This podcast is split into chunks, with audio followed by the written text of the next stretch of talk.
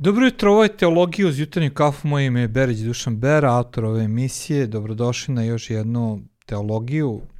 Nadam se da ste spremni za to. Ako niste, skujete sebi kafu, čaj, sa god već pijete, ujutro i uveče. I malo da pročeskamo. Danas sam, pa tako, treba mi vaša interakcija. Neko se naučio da uživam u razgovoru sa ljudima, pa mi nedostaje sagovornik, pa eto, vi ste moji sagovornici.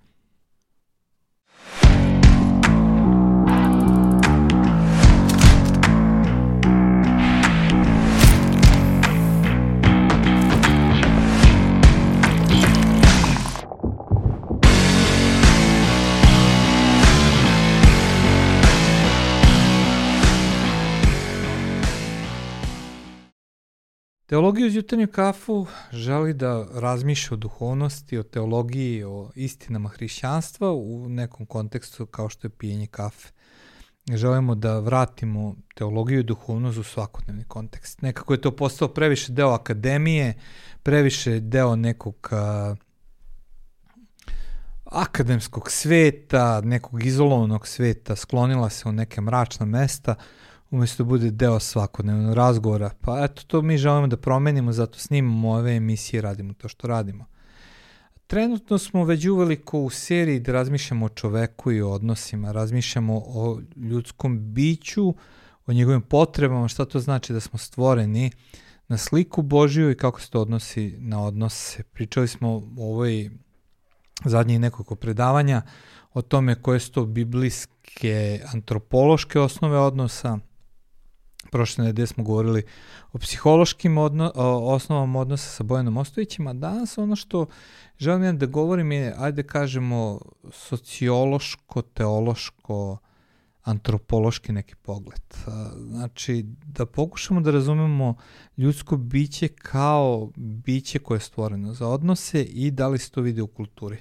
E, kada ovo pričam, moram odmah da vam objasnim, ovo je deo mog završnog rada kada sam radio teologiju, na teološkom fakultetu, završni rad mi se zvao društvenog ljudskog bića i slika Božije, znači kako se to odnosilo jedno prema drugome, a kao ideja koju sam tad imao jeste da pokažem a, neku teološku, biblijsku osnovu za sastanke u kućnim grupama i da prosto argumentujem zašto su kućne grupe, male grupe neophodne za jedan zdrav duhovni razvoj jednog vernika. Pri tome analizirao sam celu tu priču oko odnosa, oko ljudskog bića, kako je Bog stvorio čoveka, razmišljao sam o tom relacionom aspektu, znači da smo mi kao ljudska bića stvorena na njegovu sliku i po tom a, po odnosima i onda sam razmišljao o problemu individualizma u savremenom hrišćanstvu. E sad, danas pričam deo cele tog a, mog nekog istraživanja teološkog i bavim se pitanjem relacionog aspekta. Ja, jedan teolog po imenu Gilbert Bilezikijan, mislim da je on Jermen, rekao bi po prezimenu ili Gruzin, nisam siguran šta, a, rekao je sledeću izjavu. Kaže, zajednica kao primarni i božanski način postojanja karakteristika je Božje egzistencije, to je postojanje, nezavisno od i pre bilo kog dela stvaranja. Šta hoće da kaže? Da je Bog postoji u zajednici njih troje od uvek i pre nego što je što stvoreno. A, bez obzira na to što Bog stvara zajednicu, ona je samo refleksija večne realnosti koja je svojstvena samom Bogu. Što hoće da kaže da Bog ne stvara ljudsko biće iz neke njegove potrebe, nego kao sliku onoga ko on jeste. I pošto je Bog nepromenjiv, on kada stvara na svoj lik, stvara zajednicu. Pošto je Bog trojica, on je množina jednine, lepa misao. Zbog toga stvaranje po njegovom liku zahteva množinu osoba. Tako da Božije vrs, vrhunsko postignuće nije stvaranje jedinke, nego stvaranje ljudske zajednice. I ovo je definitivno nešto što se meni dopada i stav koji ja zauzimam, iako verujem i govorio sam ovde da kada Bog stvara čoveka, stvara ga kao reflektovano biće koje reflektuje mnoge njegove osobine, ono što stvarno mislim da je suština Božijeg stvaranja a, to da nas je stvorio kao biće odnos, jer on u svojoj samoj suštini kao troje koji su jedan, Otac, Sin, Duh Sveti, koji svako od njih jeste osoba koji u odnosu a, i predstavlja našeg Boga u jednini, kako on kaže a, množina jednine, a, da nas stvara da odrazimo tu sposobnost za odnos. Jedan drugi veliki teolog, možda najznačajniji teolog savremenog doba, Karl Barth, a, kaže ovako da a, osnovu naše ljudskosti pronalazi u zajednici ja i ti, muškarci i žene u odnosu sa Bogom. I kaže ovako, ova zajednica je čovekov odgovor trojičnom Bogu u čijoj prirodi jeste da uključi ja i ti u sebe. Nijedno drugo biće nema tu sposobnost da bude ti prema kome se Bog postavlja kao ja, niti da stoji u odnosu ja ti jedno prema drugom, niti može započeti doživjeti takav odnos. Šta kaže da je Bog stvorio čoveka kao ja i ti, znači kao muško i žensko, kao množinu, i da nas je pozvao u taj odnos a, sa njim. I dalje dodaje, kaže čoveštvo u smislu onoga što mi jesmo. Karakteristika i suštinski model ljudskog postojanja ima svoje korene u sučoveštvu. Čoveštvo koje nije sučoveštvo je nečoveštvo. Znači da mi ne možemo postojati a, kao ljudi bez drugih bića. Potrebno su nam drugi ljudi da bi mi mogli da se nazovemo ljudskim bićima. Ono ne može da reflektuje nego samo da protivreče određenju ljudskog bića kao Božeg partnera u Savezu. Niti može Bog, i ovo mi se jako dopada, koji je Deus Trinitus, koristeći latinske reči, znači Deus Bog, trinitarni Bog, Bog u odnosu, a ne kao Deus solitarius, kao Bog koji je sam po sebi, biti reflektovan u homo solitariusu. Znači šta hoće da kaže ovaj veliki teolog, malo to možda vam zvuči komplikovano, da prosto mi ne možemo odraziti Boga kao pojedinci, kao individue koji su odvojeni od drugih individua, nego jedini način da odrazimo to kakav jeste Bog, a jeste da to odrazimo u odnosu na a, odnosu sa drugim bićima i u tom odnosu sa drugim bićima, sa stvorenjem, sa svim onim što nas okružuje, mi zapravo prikazujemo kakav Bog jeste. E sad, a ono što je bio predmet mog istraživanja je bilo ovako. Ako je Bog stvorio ljudska bića kao biće odnosa, ako nas je stvorio tako da gradimo prijateljstva i tako da gradimo a, značajne odnose, onda bi to trebalo da se vidi u svakoj kulturi. A, to je bilo stvarno predmet mog istraživanja. Da li kada se sagledaju sve kulture, a, kada se sagleda ljudska zajednica u svojoj svojoj celini, mi možemo videti to da u svakoj kulturi postoji ista tendencija da se prijateljstvo vrednuje, da se odnosi vrednuje, da se odno, vrednuje porodica ili a, postoje razlike među nama. Jer A, iako smo mi ljudi slični, to se definitivno, kako je to rekao jedan antropolog, zaboravio sam ime, mislim da je Kraft, to se definitivno ne vidi u našim kulturama, jer kulture su različite. Ili možda se nije desilo, mi ovde u Srbiji nismo imali taj blagoslov da putujemo i upoznajemo druge kulture, a najčešće ljudi putuju po Evropi gde je kultura slična, ali ako ste imali iskustvo da putujete u kulturu koja se razlikuje od naše, vi doživite stvarno kulturološki šok. A, ja sam imao dva puta priliku da odem a, u kulture koje su različite od naše. Jedno sam bio na Tajlandu i proveo sam tamo neko, oko nedelju i po dana. Sam proveo u Koreji mesec i nešto dana i bio sam u kulturi koja se razlikuje od naše, gde su vrednosti, način razmišljanja čak što više različite od naše. I tek tada sam se stvarno suočio a, čak i u ovom globalizovanom svetu da postoje velike razlike među kulturama. I sad kad razmišljamo o kulturama, ono što moramo da shvatimo da je kultura naš način kako mi uređujemo naš život, kako uređujemo svet, kako uređujemo odnose, kako uređujemo a, i kako zadovoljavamo neke naše osnovne potrebe. Znači, to je spled naših običaja, normi ponašanja, komunikacije sa drugim ljudima.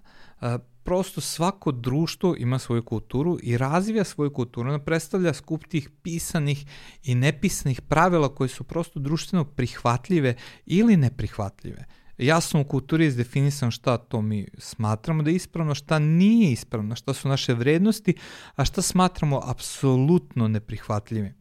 I ljudi prosto stvaraju tu kulturu i ne postoji prosto ljudska zajednica koja nije razvila tu svoju kulturu. Antropologija se manje više i sociologija bavi istraživanjem kultura ljudskog bića. I ono što je mene interesovalo, kažem, u tom nekom istraživanju, namjerno izbegavam da vam citiram sve delove mog rada, bilo bi vam komplikovano, a, objavit ću taj rad kao blog, pošto mislim možda neke ljude to interesuje, a, pa možete potražiti na mom blogu ka Hristu celokupno to neko moje istraživanje i šta o čemu sam razmišljao, ali ono što me interesuje, da li su a, elementi ljudske te društvenosti vidljive u kulturi? Da li mi kad stvarno pogledamo, da li u tim kulturama možemo videti prijateljstvo, međusobnu brigu, pomaganje, ostvarivanje, zajedničko delovanje, međusobno nadopunjavanje. Ono što su naše suštinske vrednosti zapadne kulture, mi vrednujemo prijateljstvo, vrednujemo pomaganje drugim ljudima, ali da li to možemo naći čak i onome što se naziva primitivne kulture koje se bore za opstanak, za plemenske kulture, da li takve stvari vrednuju i ljudi koji su bili ljudoždari ili ne? A, jer ako smo stvoreni kao ljudska bića na sliku Božiju, onda bi to morao da se vidi svugde. A, jedan velik antropolog po imenu Kraft posmatrao je a, ovaj, ljudsku kulturu i pokušao da izdefiniše. Ono što je on pronašao da je površni element kulture su običaji. Ono što mi vidimo kad posmatramo neku kulturu, on je nazvao običaj, time što je uključio celokupne vrednosti u te običaje. A, da bi se običaje razvili, ono što mora da postoji jeste pogled na svet. A, jer iz pogleda na svet a, se razvija a, sam običaj. I ono što je činjenica da mi kao ljudska bićemo različite poglede na svet. Znači, u samim pogledima na svet i u običajima se mi razlikujemo. Ali kad idemo dalje, onda je on pronašao nešto što je zajedničko za svaku ljudsku kulturu i za svako ljudsko biće, a, odakle proističe naše tumačenje kako to zadovoljiti što je pogled na svet, što dovodi do običaja. I ono što je on to nazvao, nazvao je zajednički osnovi principi i kako on kaže, postoje društveno prihvatljiva briga o biološkim socijalnim potrebama, očuvanje društvenih normi, kultura i njene vođe, reprodukcija u cilju opstanka društva i tako dalje. Znači neke principi kao što se ne kradi, ne ubi, ne čini preljubu, ali naravno u okviru grupe, da bi dalje otišao i rekao da iza svega toga postoje zajedničke osnovne potrebe, problemi biološke, psihološke, sociokulturne i duhovne potrebe, znači iz nekih naših zajedničkih potreba a, dolazi do toga da postoje zajednički principi koji su jedinstveni za svaku ljudsku kulturu i svako ljudsko biće koje se onda već razlikuju dalje u pogledima na svet i običajima. A, kada je bio ovde u govorio, mislim da je Bojan Ostojić govorio o Maslovljevoj lestvici osnovnih ljudskih potreba ili hijerarhiji potreba i Maslov je to prikazao kao neke merdevine gde svaka lestvica predstavlja određenu grupu potreba. Pa na toj lestvici najosnovnije su fiziološke ili fizičke potrebe kao što su hrana, piće i san. Na sledećoj toj hijerarhiji potreba se nalazi potreba za odećom i skloništem. Na sledećoj lestvici se nalazi potreba za pripadajem prijateljstvom sa samopotvrđivanjem, dok je na najvišoj se nalazilo a, lični sistem vrednosti, estetski zahtevi i samostvarenje.